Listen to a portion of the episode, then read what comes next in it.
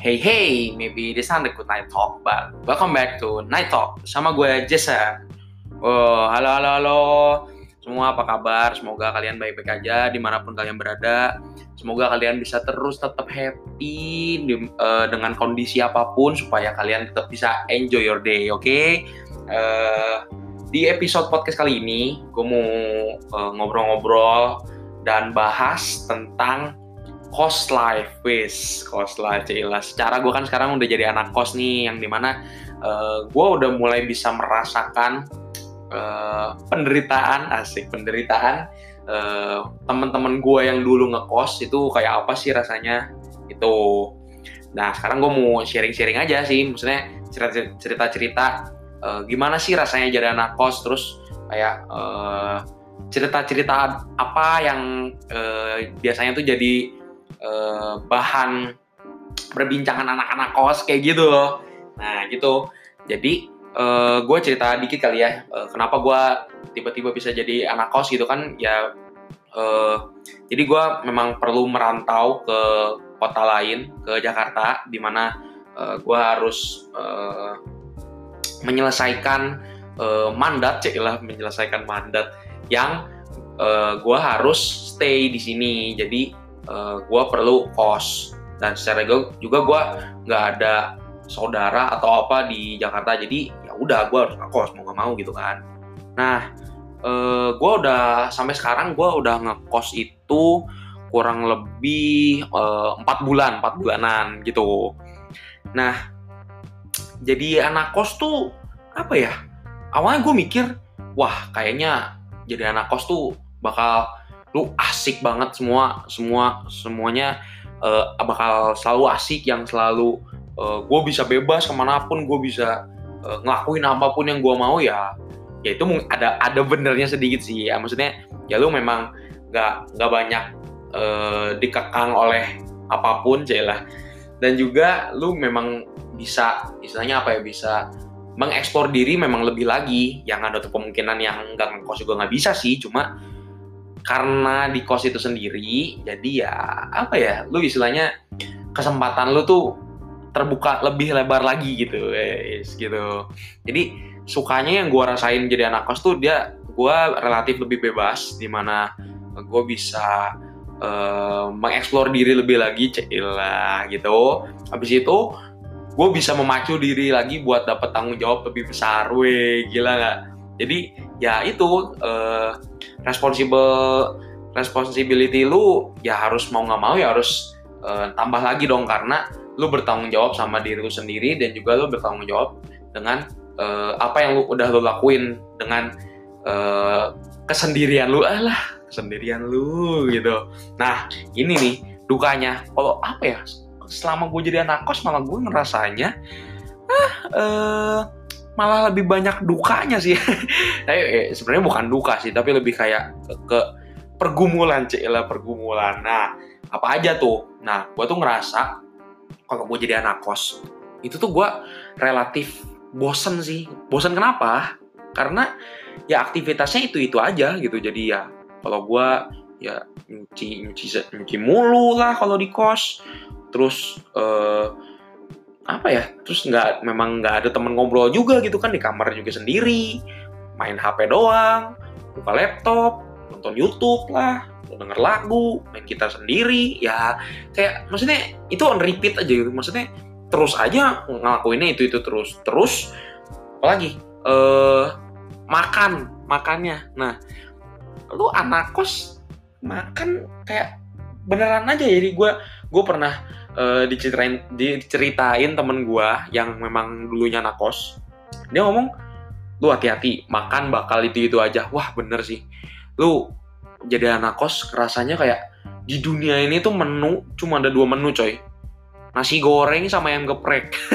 Jadi ya apa ya even lu lu buka GoFood, GrabFood tuh kayak gitu kayak yang munculnya tuh banyaknya cuma nasi goreng sama yang geprek coy. Ya ya menu lain ada sih tapi gimana ya? Uh, harganya lebih mahal uangnya nggak nggak cukup lah. Ya itu jadi pertimbangannya tuh makin banyak gitu ketika jadi anak kos. Dan ya itu lu lu kayak bosen uh, makannya itu itu aja aktivitasnya itu itu aja relatif ya. Jadi kalau ini gue nggak tahu kalau anak kos yang lain. Tapi gue rasa sih mostly kalau misalnya apalagi yang masalah makanan sih itu pasti anak kos kayaknya uh, hampir semua bakal ngerasa makanan tuh ya kalau nggak nasi goreng ayam geprek bakso kali ya sama sate kayaknya deh. Yang memang relatif harganya lebih murah tapi lu bisa kenyang banget gitu. Nah berbicara tentang uh, kos ngomongin anak kos gini jadi gue tadi iseng-iseng nyari-nyari uh, artikel gitu tentang anak-anak kos gitu sih nah ini ada yang lumayan menarik dari artikel ini jadi di artikel ini tuh nyeritain tentang tipe-tipe penghuni kos yang pasti ada di setiap kosan gitu. Nah, buat kalian yang anak kos, kalian ada dengan yang jadi anak kos atau pernah jadi orang-orang uh, anak kosan, pernah jadi mantan anak kosan? Pernah nggak nih uh, ada ngelihat tipe anak-anak kos kayak gini? Nah, pertama itu ada yang tipe anak kos super bisik. Nah, ini tuh jadi tipe anak kos yang dia bener-bener nggak tahu diri ya ngomongnya kenceng-kenceng teriak-teriak lah yang eh, kalau misalnya dengerin musik itu volume speakernya udah kayak speaker dangdutan speaker orang nikahan gitu yang yang kencengnya lau jubile gede banget sampai kayaknya ke gedung sebelah pun kedengeran gitu kan. Ya terus yang nggak tahu diri lu denger lagunya pas lagi malam-malam lagi memang waktunya orang istirahat orang tidur lu lu malah kenceng uh, dengerin lagu pasang speaker kenceng-kenceng gitu kan kampret gitu kan kayak gitu ya. Terus ada lagi yang tipe anak kosan yang sombong. Nah nih tipe anak kosan sombong. Nah ini tuh yang kayak gimana sih? Jadi ini kasarnya tuh tipe anak kosan anak kos limbat gitu dia kayak ngomong ngomong kagak senyum kagak disapa kalau disapa nyapa balik juga enggak, nyenyumin balik juga enggak, datar banget gitu kayak kayak orang kebanyakan ngelem gitu. ya tip uh, straight face mulu gitu kan mau nyapa males jadinya gitu. Nah, itu yang tipe orang sombong kayaknya kayak gitu ya. Jadi yang malesin lah pokoknya lu ketika ngelihat dia pun ya udah males gitu. Terus ada juga nih tipe penyelendup. Weh, tipe penyelendup di mana di apa orang kos anak-anak kos kayak gini tuh dia suka menyelundupkan lah menyelundupkan yang harusnya nggak boleh dimasukin ke kosannya. Contoh contoh nih yang misal peraturan nggak boleh bawa cewek atau cowok ke kamar bagi kos yang emang disususkan buat masing-masing gender. Nah tapi tetap aja nih orang ini tuh punya seribu satu cara buat masukin uh, barang selundupan aja lah barang selundupan ya itu jadi dia selalu ya nekat cari cari cara supaya dia bisa uh, ngendep-ngendep masukin si selun selundupan nono gitu. Nah, habis itu apa lagi? Ada lagi tipe anak kos yang super jorok nih, tipe anak kos jorok banget nih. Aduh, semoga kalian bukan tipe anak kos kayak gini ya. Jadi dia yang uh, kamar kosnya berantakan banget, yang males banget buat diberesin. Ya, gue juga tipe tipe orang yang males beresin kos sih, tapi ya nggak sampai hancur banget lah ya. Nah ini sampai bener-bener hancur terus bau yang naro yang buang sampah sampah tuh di mana-mana aja terus yang apa ya yang pokoknya nggak nggak nunjukin lu anak kos yang punya punya harga diri yang yang kayak lu air aja kayaknya nggak punya gitu. Lu mandi aja nggak bisa apa gimana gitu. Jadi yang tipe anak jorok ya moga-moga kalian nggak pernah nemu dan bukan kalian salah satunya tipe anak kos yang jorok kayak gini yang mandi cuma sehari sekali. Jangan sampai ya jangan sampai kayak gitu ya.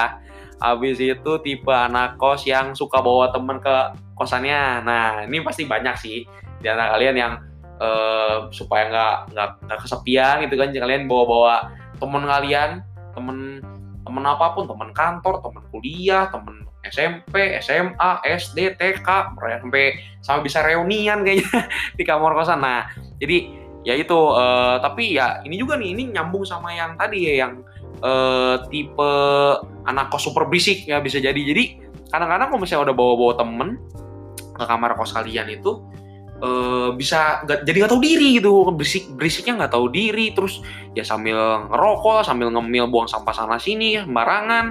Ya gitu ya semoga kalian kalau misalnya bawa suka bawa teman ke kosan nih yang buat anak anak-anak kos ya semoga bukan tipe yang kayak gini ya yang yang sembarangan banget bawa-bawa bawa teman kosan terus gak dijaga gitu. Ya ya tolonglah itu anak-anak kosan kayak gitu yang bawa temen kayak gitu di di diikat aja gitu uh, kayak anjing gitu sekalian. Jadi jadi nggak nggak nggak macam-macam gitu kan. Nah terus yang terakhir tuh ada juga tipe penghuni kamar abadi. Weh jadi yang yang bener-bener kayak lu nggak pernah ngelihat nih orang keluar yang bener-bener nggak pernah ngelihat uh, nih orang berkeliaran di kosan lu yang yang kayak muncul dari kamar tuh kayak sebeduk sekali cuma buat buang sampah apa cuma buat ambil anduk gitu cuma apa cuma buat uh, istilahnya buat jalanin kakinya supaya nggak lupa kali ya. Jadi yang memang bener-bener yang apa ya istilahnya markas markas markas besar banget itu kamar kos sudah bener-bener nggak mau nggak mau keluar banget gitu ya itu ya ya nggak salah juga sih cuma pasti kalian pernah pernah aja ngelihat yang yang kayak gitu gitu kan. Nah habis itu berkaitan dengan artikel anak kos gitu nah gue gue dapat juga nih artikel ini cukup menarik juga gitu ya. Siapa tahu buat kalian yang lagi dengar podcast ini yang buat jadi anak kosan gue kasih uh, tips dan trik hidup hemat supaya sejahtera meski akhir bulan gitu kan. Kayaknya gue juga butuh sih ini. Jadi gue baru nemu dan ya gue sambil share aja kali ya nih pertama buat daftar pengeluaran untuk sebulan. Nih gimana cara mulainya? Nah lu lu pada bisa bikin daftar pengeluaran mulai dari yang terpenting sampai rekreasi. Nah ya ini bagus juga sih. Jadi lu lu bisa tahu budget-budget pengeluaran lu itu eh, ke mana aja. Dan juga lu harus nyisihin, nyisihin berapa banyak uang yang lu punya buat uh, kepentingan-kepentingan yang memang benar penting sama yang gak penting. Nih terus abis itu jatah uang uang yang lu pegang tuh per hari. Ini bagus juga sih. Jadi ya ya ini mirip-mirip yang tadi lah ya. Jadi dia memang buat manage uang. Tapi memang si kehidupan anak kos ini memang kampret sih. Kehidupan pengeluaran uangnya tuh kadang-kadang memang nggak kekontrol gitu. Jadi memang harus pinter-pinter bagi bagi uangnya sih ya. Ya itulah habis itu cari tempat makan level mahasiswa. Eh nah ini nih yang yang tadi gue sebutin makanya menu tuh menunya cuma ayam geprek nasi goreng nasi goreng pinggiran no sama bakso sate. Nah itu yang yang harganya relatif murah tapi bisa bikin perut lo begah gitu. Nah satu oh satu lagi warteg. Nah itu sih itu itu menu legend sih yang di mana anak kos tuh pasti harus banget makan warteg gitu. Kalau misalnya belum makan warteg kalian belum belum sah gitu sebenarnya jadi anak kos gitu kan. Nah habis itu kumpulkan uang receh. Nah nah nah nah ini sih. Ini ini ini oke okay banget nih. Jadi gue gue uh, dulunya tuh orang yang gak suka ngumpulin uang receh. Maksud gue bukan ngumpulin sih tapi lebih kayak kalau misalnya ada uang receh ya gue abaikan gitu. Jadi nggak gue gubris lah pokoknya. Gue taro gue gue simpen aja pokoknya. Nggak gue gua nggak gue lihat-lihat lagi nggak gue pegang-pegang lagi. Nah semenjak gue jadi anak kos gue tuh ngerasa kayak uh, ya kan ruang ruang kos gue kan segitu-segitu aja kan. Terus gue beli apa dapatnya recehan lagi. Ya pertama gue kesel gitu dapet dapetnya recehan lagi recehan lagi. Kampret gue gue nggak suka udah nggak udah nggak suka uh, uang receh dikasihnya uang receh mulu gitu kan recehan gopean seribuan koin lah dua ratusan kayak gitu kan males gitu kan. Di dompet juga kan nggak enak di, di di kantongin di berisik gitu kan. Nah tapi ini ini semacam mujizat sih si si uang receh ini tuh ya kalau misalnya kalian eh apa ya gak gak gak kerasa tiba-tiba ngumpulin itu tuh lumayan banget coy.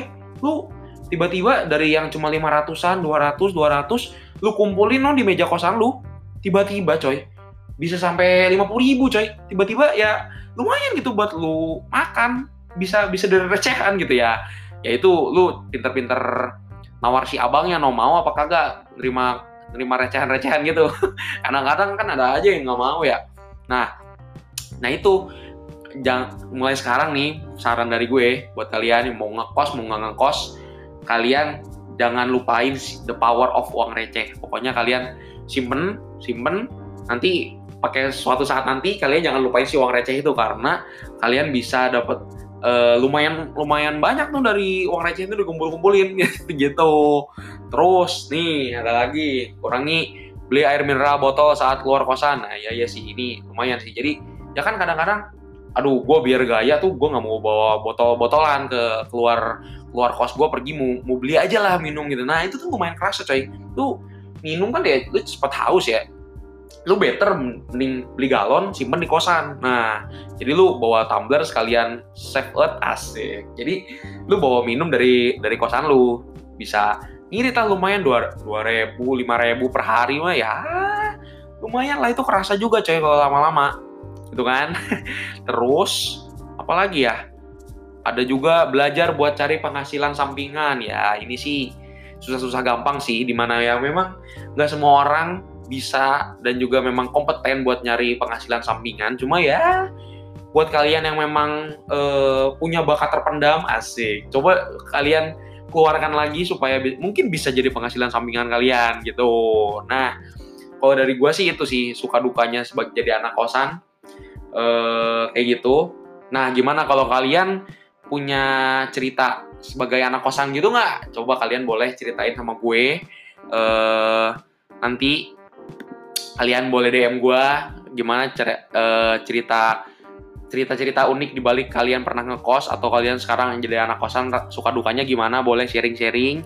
Nanti kalau misalnya ada uh, podcast selanjutnya yang ngomongin kosan gue bisa share eh, cerita-cerita kalian. Jadi supaya bisa uh, ngasih tahu juga entertain juga teman-teman lain teman-teman kos lain yang gabut gitu kan. Lumayan gitu. Oke? Okay? nah segitu dulu episode kali ini. Semoga apa yang gue bacotin di episode kali ini uh, bisa ada yang nempel di benak kalian dan yang terpenting bisa ngehibur kalian semua oke okay? jangan lupa buat follow instagram gue at ok o u g h k y feel free buat dm gue nih tentang mau ada kritik, saran, atau kalian ada ide mungkin topik apa yang selanjutnya gue bisa gue bawain yang oke okay banget, gue bahas di episode-episode selanjutnya. Oke, okay? thank you for listening. Have a good night. Bye.